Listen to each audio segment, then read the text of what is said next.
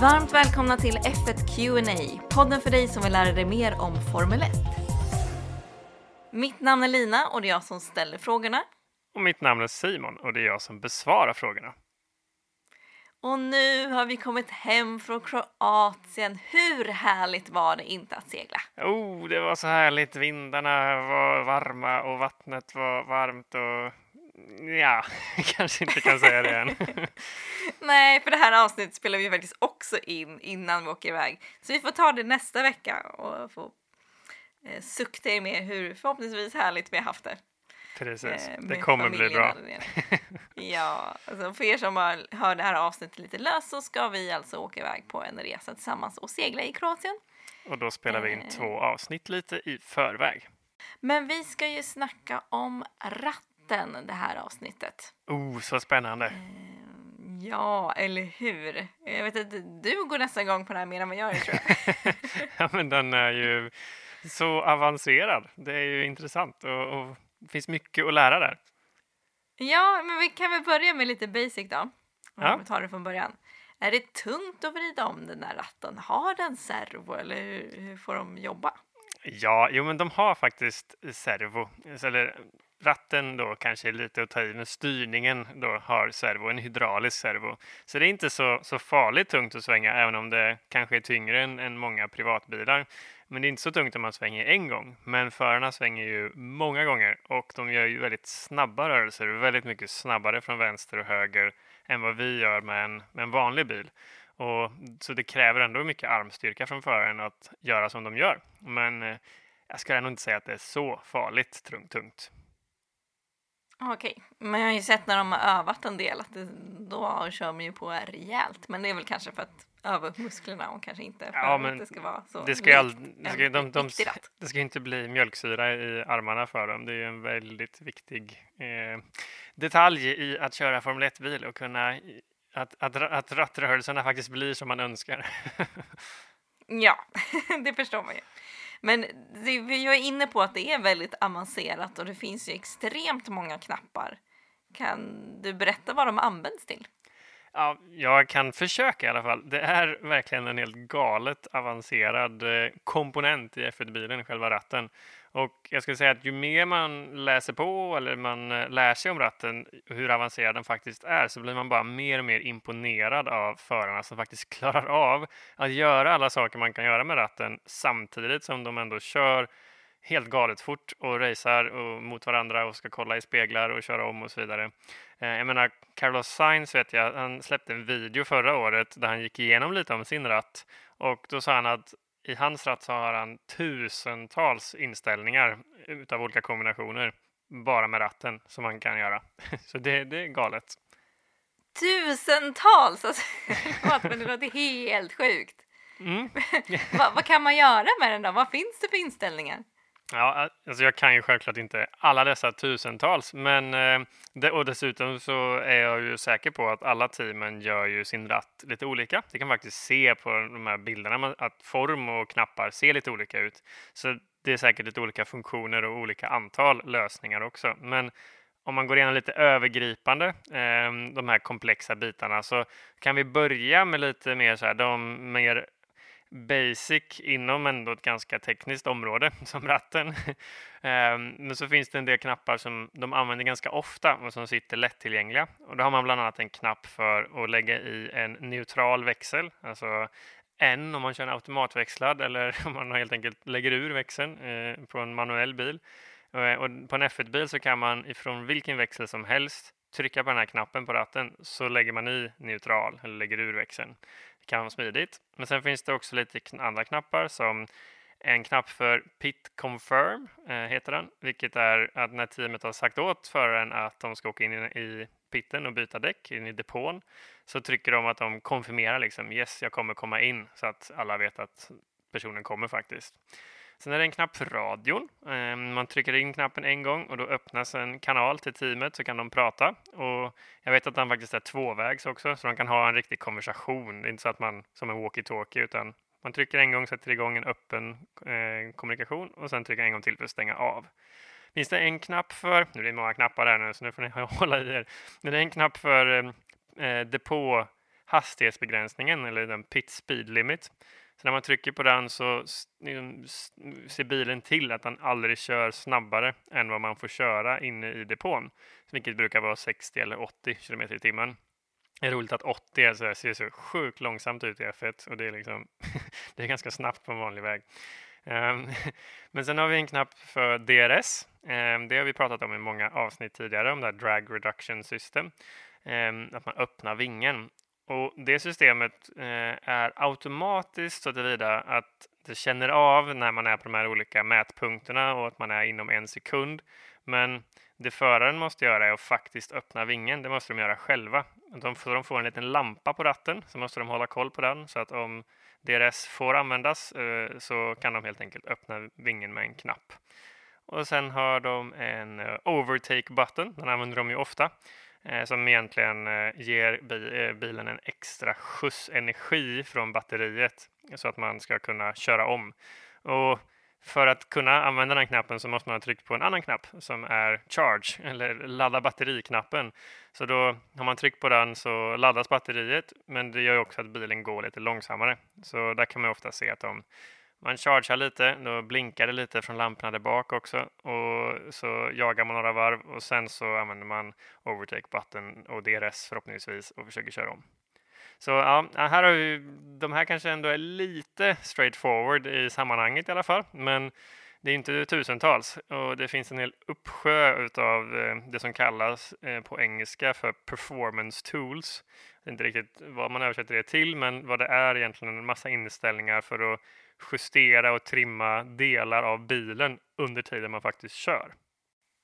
Alltså, det är helt otroligt. Men menar du att förarna ändrar inställningar på ratten från kval till race eller under ett varv från typ en kurva till en annan? Ja, men det är alltså medan de kör. Medan de kör in i en kurva så gör de vissa inställningar och så när de kör ut och innan de ska in i nästa kurva så kan de göra nya inställningar för att bilen ska vara optimal för, för just den kurvan. Men det beror på både förare och bana och vissa gör det flera gånger per varv, vilket är helt sjukt att man kan klara av, som vi var inne på. Man kan köra och göra om bilens inställningar flera gånger per varv.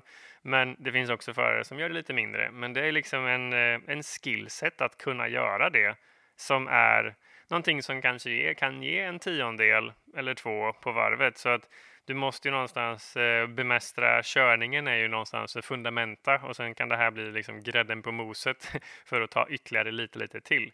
Men eh, tittar man vad de faktiskt ändrar på så är det i regel relaterat till antingen till motor, bromsar eller differential. Ehm, det finns till exempel en knapp som eh, kallas vad jag har sett på flera team för diff mid som ehm, helt enkelt då differential mitten av kurvan står det för och stänger eller öppnar diffen i, i ett gäng olika steg. Det tror jag brukar vara från 1 till 10 då man är mitt i kurvan och det är liksom diff mid mitt i och sen finns det en som heter diff entry som stänger eller öppnar diffen i olika steg då man går in i kurvan. Okej, men det där var ju två helt nya ord faktiskt. Kan du förklara vad, vad är diff mid och ja.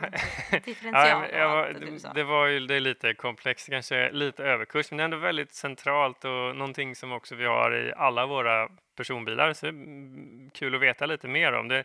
För diffen, eller differentialväxeln kan man kalla den för, eh, det är en en kugghjulskombination kan man säga som delar upp kraften från motorn ut på att driva två hjul. Alltså man har ju oftast, om man har bakhjulsdrift som man har Formel 1, så kommer ju kraften från motorn i en kardanaxel bak och sen så ska den gå ut till två hjul. Och där har man diffen. Och vad den möjliggör är att hjulen kan snurra olika fort. Men om man tänker på sin vanliga bil eh, man har hemma kanske, om man har en bil. Eh, men om man då svänger i en kurva så har man ju en insida och en utsida och då åker ju innerhjulet har ju liksom en kortare sträcka än ytterhjulet. Så det betyder ju att man faktiskt eh, ytterhjulet behöver ju snurra lite snabbare för att, i, i samma kurva.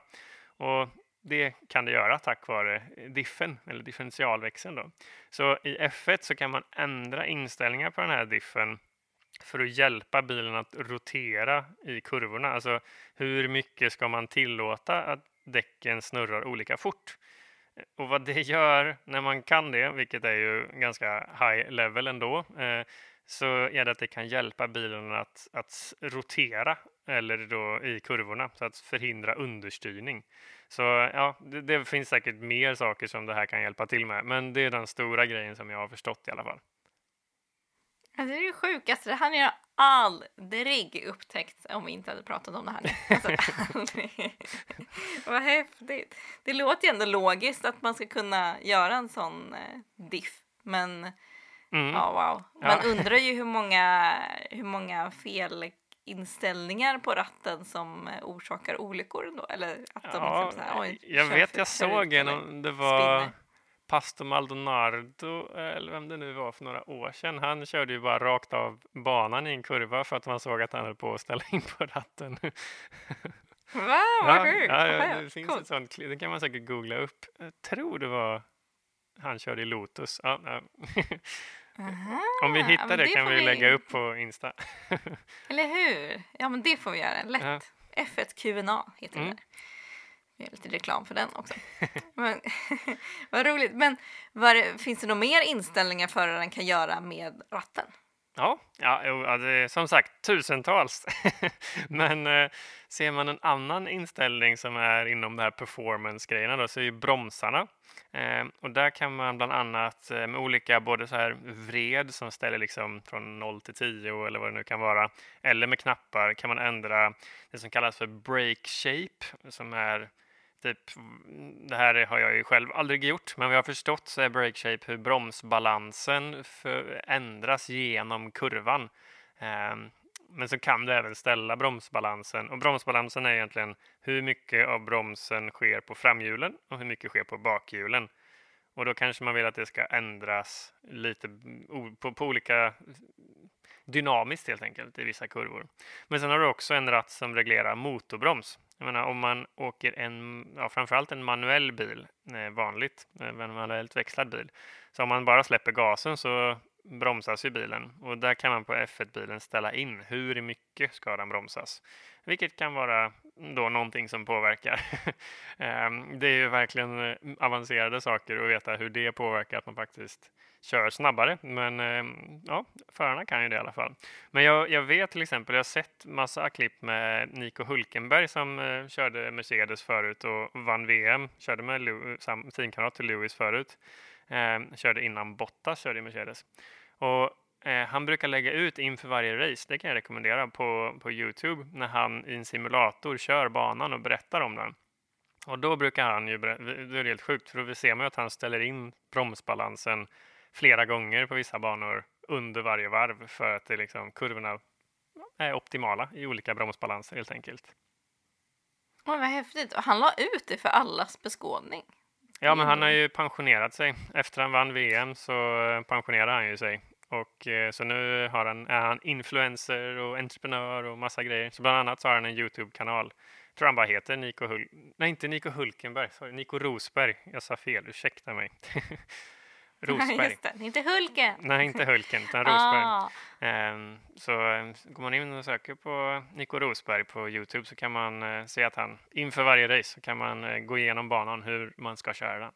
Och då får man se lite ja, sådana där inställningar. Det måste jag kika ja. på. För jag tror du menar att han gjorde det här medan han fortfarande var aktiv. Och ja, nej, jag, då förlåt, jag sa fel, eh, fel Nico. ja, ja, men då, då hänger jag med. Men det finns ju också sådana här växelpaddlar, heter det På ratten. Ja, och det finns ju faktiskt i ganska många. Det finns till och med i våran trötta SUV som vi har, som man kan växla. Våran med! Ja. Aldrig använt dock. Jag råkat, råkat slå på den där gången och bara varför? Varför går det så långsamt? Går ja. inte så mycket varv. Exakt, men i F1-bilarna så har de, eh, i alla fall i de rattarna jag har sett senast, så har de inte bara en ratt paddel på varje sida utan de har tre per sida eh, som man kan dra mot sig liksom, bakom ratten. Tre? Ja. så det räcker inte med en. ja, men då, har ju, man har ju fyra fingrar på baksidan av ratten så man borde kunna ha en till egentligen. Nej. Sant, sant. Men en av dem är ju eh, precis det vi var inne på, växla upp på ena sidan, växla ner på andra sidan. Eh, och sen är faktiskt kopplingen är på de paddlarna. De har ingen kopplingspedal utan kopplingen sitter på en sån paddel på ratten.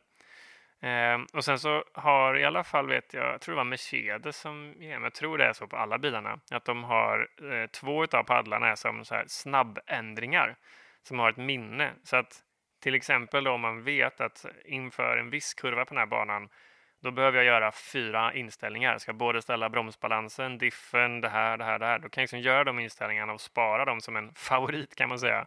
Och då kan jag bara trycka på padden för att ställa in, göra de inställningarna. Ehm, och sen då så kan jag ha två, två sådana favoritinställningar som jag snabbt kan liksom då byta. Antagligen antar jag att ena blir byta till och andra byta tillbaks till något normalläge. Men då kan vi ju lägga till två sådana snabbändringspaddlar till, så alltså får vi ju fyra. Ja, det kan de ju. Jag vet inte om det finns något reglemente till det, men det kanske inte behövs eftersom de inte har gjort det. jag vet inte. Nej, tro, troligtvis inte. Men det är ändå 60, alltså jag, oh, hjälp. Jag, jag blir typ svettig av att tänka på hur mycket de måste liksom sitta och pilla på den där Jag ratten. förstår, eh, förstår, alltså sen är ju alla rattarna lite olika också, så tänk dig när de ringer in typ Um, och nu för sig hade Kevin Magnussen kört för Haas innan, men de ringt in den andra Nico Hulkenberg som jag pratade med innan. För att när de måste ha skickat den här tjocka manualen, bara här är våran ratt, lär dig den tills imorgon. du ska köra. Alltså... Oj, wow. Det, ja, det, det tror jag vi nämnde i något annat avsnitt, eller du nämnde i något annat avsnitt att när man byter team så får man liksom en, får man ratten att öva lite på innan så att man ja, kan lära sig inställningarna i muskelminnet. Typ. Ja, jag, jag, jag trodde absolut de får ratten tidigare, men vad jag också tror är att många till och med gör om ratten om någon byter lite grann så att man inte ska behöva lära. Om man har lärt sig en ratt i fem år så tror jag det nästan är säkrare och till viss del i alla fall modifiera den nya ratten så att knapparna är som du är bekväm med än att du ska behöva lära dig just Williams ratt. um, ja. Men här gissar jag lite. Men jag skulle ju anta att det liksom, de designar ju ratten för föraren, inte för någonting annat egentligen. Så. Här har vi en konspirationsteori. Det är kanske därför det går så dåligt för Ricardo i McLaren. ja, okay, ja, kanske Han fick en helt ny ratt. Han borde ju ha lärt sig det med det här laget. Ja. Kan man tycka. Men, men finns det fler inställningar? Ja, det sjuka är att vi skulle kunna göra det här avsnittet hur långt som helst. För det finns ju massa mer och, eh, alltså, och hundratals som inte har en aning om vad det är för någonting. För det är så mycket saker som är så här teamspecifikt. Jag vet, jag, jag hörde eh, Carlos Sainz igen. Det var förra året jag såg ett klipp med honom när han berättade om det här. När, för det kan man höra ibland när de säger att typ så här eh, Code eh, 667 Eh, och säger någon i tekniker till chauffören, då finns det två knappar då, så betyder det att den ena knappen ska han trycka sex gånger på och den andra knappen ska han trycka sju gånger på. Eh, när de säger kod 67. Eh, och då typ resettas någon speciell sensor någonstans i motorn som inte föraren har någon koll på utan det är mer att föraren måste resetta någonting för att det är någonting som är fel på bilen eller någonting som behöver startas om eller vad det kan tänkas vara. Så det har ju dels den typen av saker som är ju massa bitar med, men så finns det ju eh, knappar och vred för felkoder som kan komma upp eh, säkerligen över detta. Ehm, eh, och jag vet att det finns ett vred för eh, däckfas så att föraren inte måste säga via radio att så här, däcken känns bra, däcken känns dåliga, utan de kan visa liksom en indikator i bilen så att eh, depån vet vad föraren anser om eh, däckfasen. Ehm, det finns en knapp som jag tyckte var lite sjuk när jag hörde om den, men en oljeknapp eh, som ger motorn liksom en extra boost med olja eh, när det kan behövas. Jag vet inte riktigt exakt var och när, men eh, jag vet att det faktiskt är så. Så mm, då antar jag ju att föraren får någon form av information att det är dags att ge motorn lite extra olja. Ehm, och det finns en eh, däcktypsknapp eh, så att föraren när de byter däck i depån från typ medium till hard så ska, eller framförallt kanske från regndäck och sånt där det skiljer lite mer i, i, i däcktyp eh, så ska, den, ska man ställa in det även på ratten så att bilens alla sensorer och grejer vet vad det är för däck för då behöver den kanske ställa om sig lite grann beroende på vad, som, vad man kör på för typ av däck och så vidare. det finns mycket. Alltså, det är ju helt otroligt.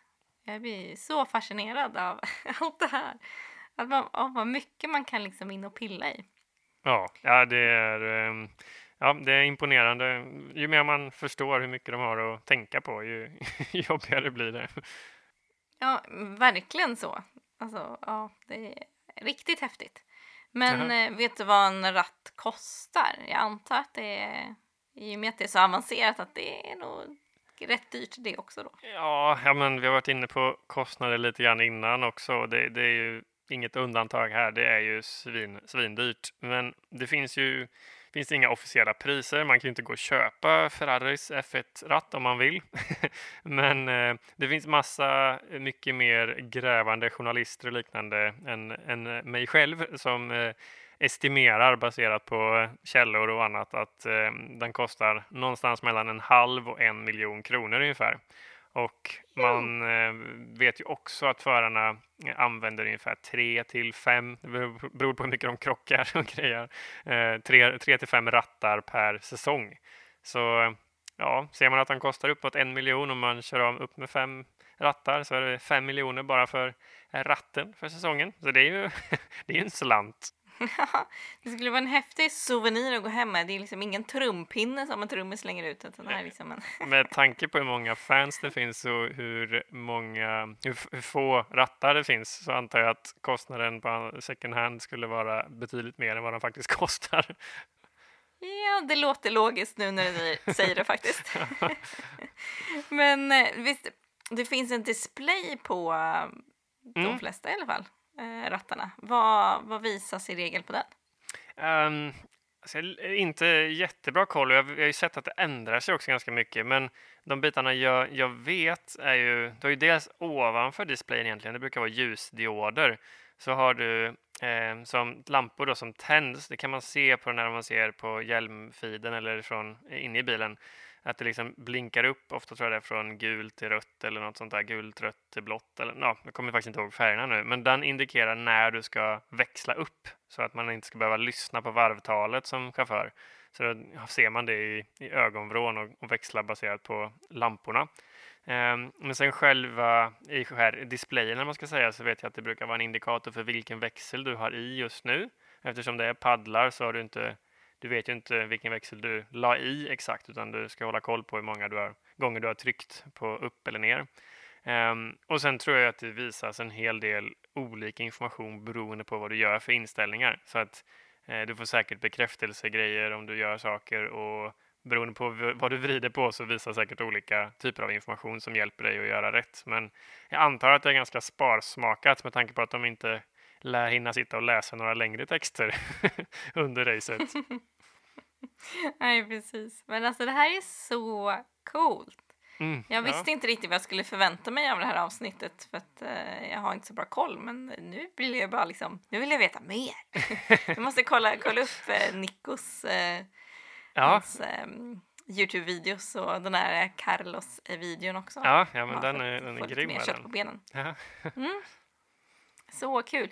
För sen kan man också vara lite uppmärksam i tv-sändningen så klipper de in en vy från förarens hjälm eller lite längre bak i, eh, på bilen och då Mm. ja, kan man ju faktiskt se lite extra. Så det ska jag vara lite Mm. extra noga och uppmärksamma nu inför nästa race och eh, Jag ska, även när de kliver ur bilen. jag ska hitta det man klippet där när jag tror det var pastorn när han, eh, då är det den kameravinkeln man ser ner på ratten och han fipplar och så svänger han av vägen. Det, Ja, ja, men det måste vi göra. Det finns säkert redan ute då när du lyssnar på det Ja. här. Så vad kul ju. Men jag tycker vi, vi avrundar där även om det finns som sagt väldigt mycket mer man kan grotta ner sig i, i det här. Vi kanske får göra ett uppföljningsavsnitt om några veckor eller något om, om intresset finns. Om vi För får annars mycket, så- mycket lyssnarfrågor så får vi, får Ja men precis, för man kan ju skicka in lyssnarfrågor till oss på Instagram eller Twitter där vi heter F1QNA. Så vill du att vi gör ett, ett ytterligare ett avsnitt om ratten och grottar ner oss ännu mer så skriv det. Eller om du tycker vi ska prata om något helt annat som har med F1 att göra så eh, får du skriva det också. Precis. Då ska vi avrunda där och, Och nu ska vi åka av... till Kroatien. Precis, fast vi redan är hemma när det här släpps. Det Ja, precis. Vi har njuter igår. den svenska sommaren. Exakt. ja, så hoppas jag att du som lyssnar får en härlig vecka. Eh, så hörs vi. Det gör vi. Ha det så bra allihopa. Hej hej!